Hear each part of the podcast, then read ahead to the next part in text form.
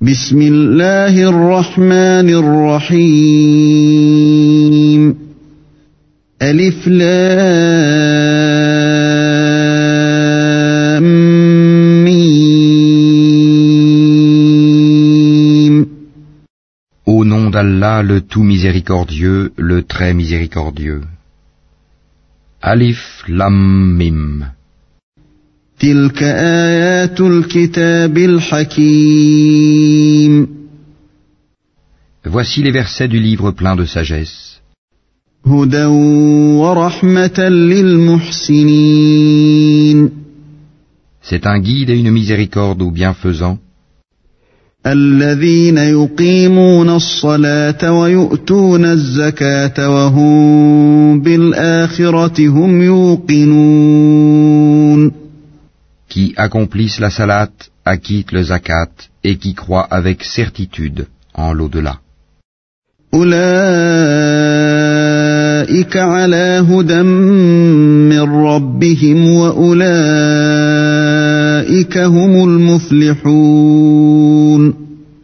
Ceux-là sont sur le chemin droit de leur Seigneur et ce sont eux les bienheureux. ومن الناس من يشتري لهو الحديث ليضل عن سبيل الله بغير علم ويتخذها هزوا. أولئك لهم عذاب مهين. Et parmi les hommes, il est quelqu'un qui, dénué de science, achète de plaisants discours pour égarer hors du chemin d'Allah et pour le prendre en raillerie. Ceux-là subiront un châtiment avilissant. وإذا تتلى عليه آياتنا ولى مستكبرا كأن لم يسمعها كأن في أذنيه وقرا كأن في أذنيه وقرا فبشره بعذاب أليم Et quand on lui récite nos versets, il tourne le dos avec orgueil, comme s'il ne les avait point entendus, comme s'il y avait un poids dans ses oreilles. Fais-lui donc l'annonce d'un châtiment douloureux. إن الذين آمنوا وعملوا الصالحات لهم جنات النعيم. Ceux qui croient et accomplissent les bonnes œuvres auront des jardins des délices, خالدين فيها وعد الله حقا وهو العزيز الحكيم. pour y demeurer éternellement, c'est en vérité une promesse d'Allah, c'est lui le puissant, le sage. خلق السماوات بغير عمد ترونها وألقى في الأرض رواسي وألقى في الأرض رواسي أن تميد بكم وبث فيها من كل دابة وأنزلنا من السماء ماء فأنبتنا فيها من كل زوج كريم Il a créé les cieux sans piliers que vous puissiez voir, et il a enfoncé des montagnes fermes dans la terre pour l'empêcher de basculer avec vous. Et il y a propagé des animaux de toute espèce. Et du ciel, nous avons fait descendre une eau avec laquelle nous avons fait pousser des plantes productives par couple de toute espèce. هذا خلق الله فأروني ماذا خلق الذين من دونه بل الظالمون في ضلال مبين Voilà la création d'Allah. Montrez-moi donc ce qu'ont créé ceux qui sont en dehors de lui. Mais les injustes sont dans un égarement évident. ولقد آتينا لقمان الحكمة أن اشكر لله ومن يشكر فإنما يشكر لنفسه ومن كفر فإن الله غني حميد Nous avons effectivement donné à Lukman la sagesse. Sois reconnaissant à Allah, car quiconque est reconnaissant n'est reconnaissant que pour soi-même. Quant à celui qui est ingrat, en vérité, Allah se dispense de tout, et il est digne de louange. وإذ قال لقمان لابنه وهو يعظه يا بني لا تشرك بالله إن الشرك لظلم عظيم Et lorsque Lukman dit à son fils tout en l'exhortant, Ô mon fils, ne donne pas d'associer à Allah, car l'association à Allah est vraiment une injustice énorme. ووصينا الإنسان بوالديه حملته أمه وهنا على وهن وفصاله في عامين وفصاله في عامين أن اشكر لي ولوالديك إلي المصير. Nous avons commandé à l'homme la bienfaisance envers ses pères et mères, Sa mère l'a porté, subissant pour lui peine sur peine. Son sevrage a lieu à deux ans. Sois reconnaissant envers moi, ainsi qu'envers tes parents. Vers moi est la destination.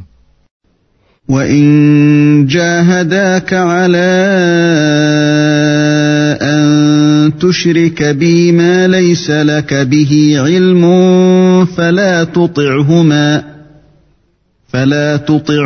وصاحبهما في الدنيا معروفا واتبع سبيل من اناب الي ثم الي مرجعكم فانبئكم بما كنتم تعملون Et si tous deux te forcent à m'associer, ceux dont tu n'as aucune connaissance, alors ne leur obéis pas. mais reste avec eux ici-bas de façon convenable, et suis le sentier de celui qui se tourne vers moi. Vers moi ensuite est votre retour, et alors je vous informerai de ce que vous faisiez.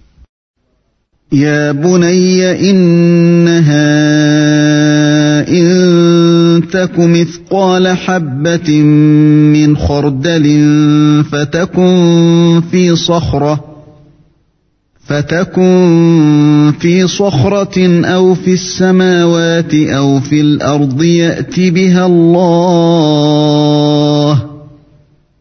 إن الله لطيف خبير Ô mon enfant, fût-ce le poids d'un grain de moutarde au fond d'un rocher, ou dans les cieux ou dans la terre, Allah le fera venir.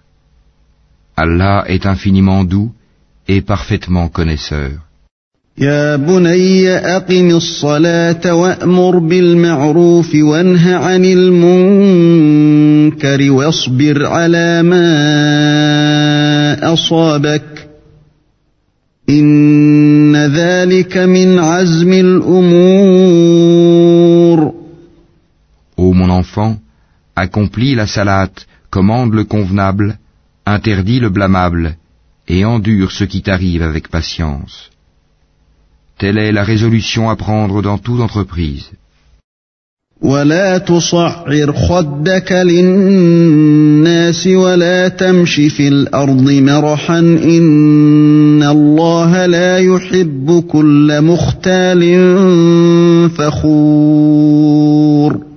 Et ne détourne pas ton visage des hommes, et ne foule pas la terre avec arrogance car Allah n'aime pas le présomptueux plein de glorioles.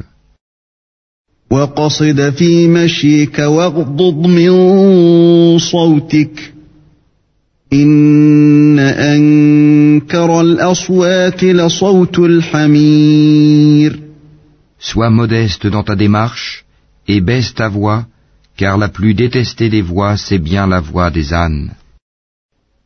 ألم تروا أن الله سخر لكم ما في السماوات وما في الأرض وأسبغ عليكم نعمه ظاهرة وباطنة ومن الناس من يجادل في الله بغير علم ولا هدى ولا كتاب pas qu'Allah vous a assujetti ce qui est dans les cieux et sur la terre Et il vous a comblé de ses bienfaits apparents et cachés Et parmi les gens il y en a qui disputent à propos d'Allah sans science, ni guidée, ni livre éclairant وإذا قيل لهم اتبعوا ما أنزل الله قالوا بل نتبع ما وجدنا عليه آباءنا أولو كان الشيطان يدعوهم إلى عذاب السعير Et quand on leur dit suivez ce qu'Allah a fait descendre, ils disent Nous suivons plutôt ce sur quoi nous avons trouvé nos ancêtres. Est-ce donc même si le diable les appelait au châtiment de la fournaise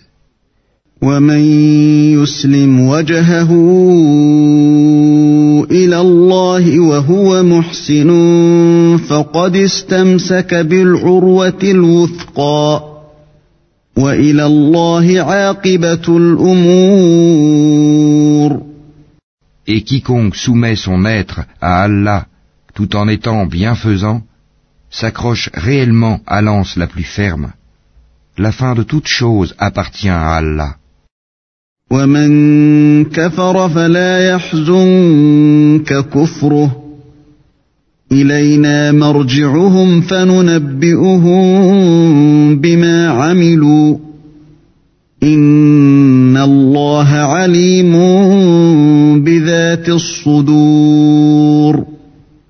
Celui qui a mécru, que sa mécréance ne t'afflige pas.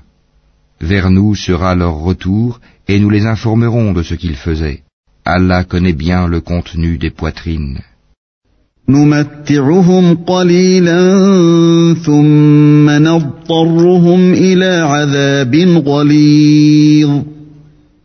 leur donnons de la jouissance pour peu de temps, ensuite nous les forcerons vers un dur châtiment.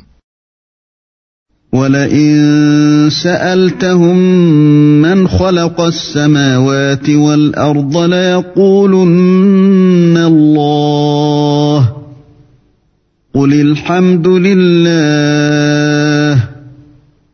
بل أكثرهم لا يعلمون Si tu leur demandes qui a créé les cieux et la terre, ils diront certes Allah. Dis, Louange à Allah. Mais la plupart d'entre eux ne savent pas.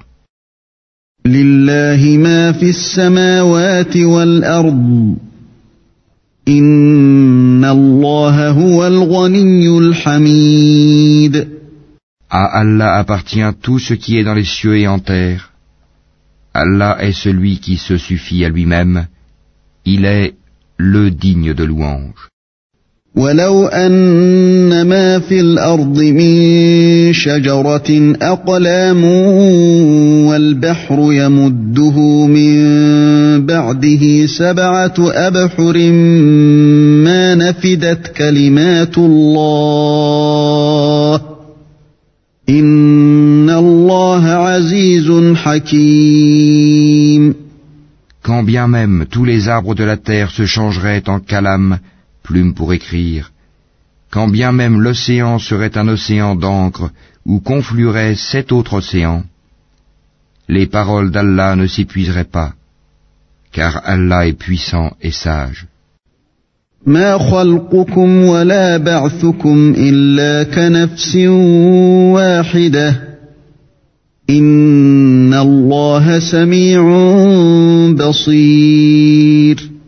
Votre création et votre résurrection à tous sont aussi faciles à Allah que s'il s'agissait d'une seule âme. Certes, Allah est audient et clairvoyant.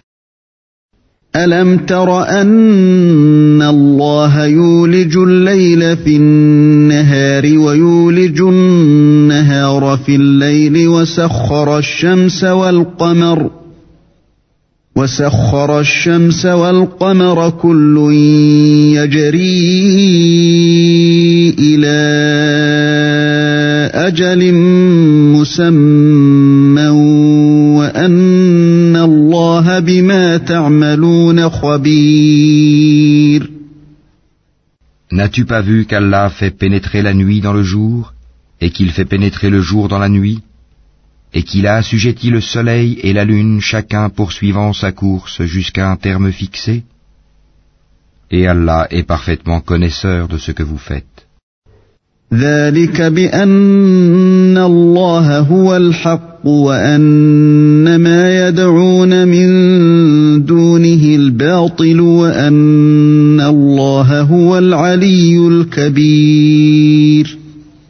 Il en est ainsi parce qu'Allah est la vérité et que tout ce qu'ils invoquent en dehors de lui est le faux et qu'Allah c'est lui le haut, le grand. ألم تر أن الفلك تجري في البحر بنعمة الله ليريكم من آياته إن في ذلك لآيات لكل صبار شكور N'as-tu pas vu que c'est par la grâce d'Allah que le vaisseau vogue dans la mer afin qu'il vous fasse voir ses merveilles Il y a en cela des preuves pour tout homme patient et reconnaissant. وإذا غشيهم موج كالظلل دعوا الله مخلصين له الدين فلما نجاهم إلى البر فمنهم مقتصد وما يجحد بآياتنا إلا كل ختار كفور Quand une vague les recouvre comme des ombres, ils invoquent Allah, vouant leur culte exclusivement à lui.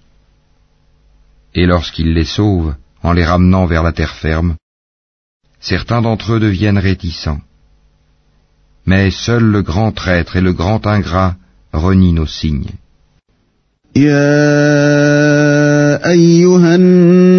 اتقوا ربكم واخشوا يوما لا يجزي والد عن ولده ولا مولود هو جاز عن والده شيئا.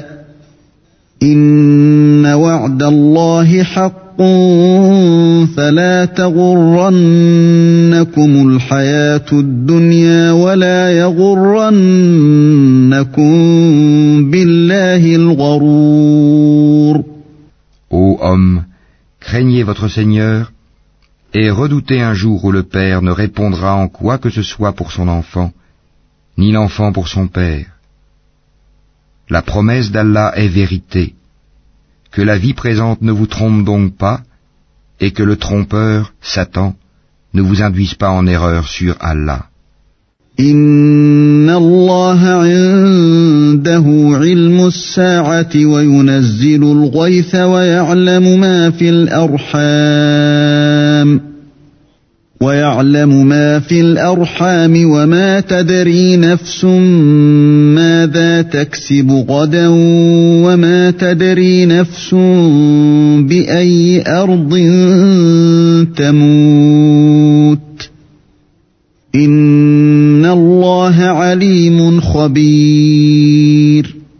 La connaissance de l'heure est auprès d'Allah, et c'est lui qui fait tomber la pluie salvatrice, et il sait ce qu'il y a dans les matrices, et personne ne sait ce qu'il acquérera demain, et personne ne sait dans quelle terre il mourra.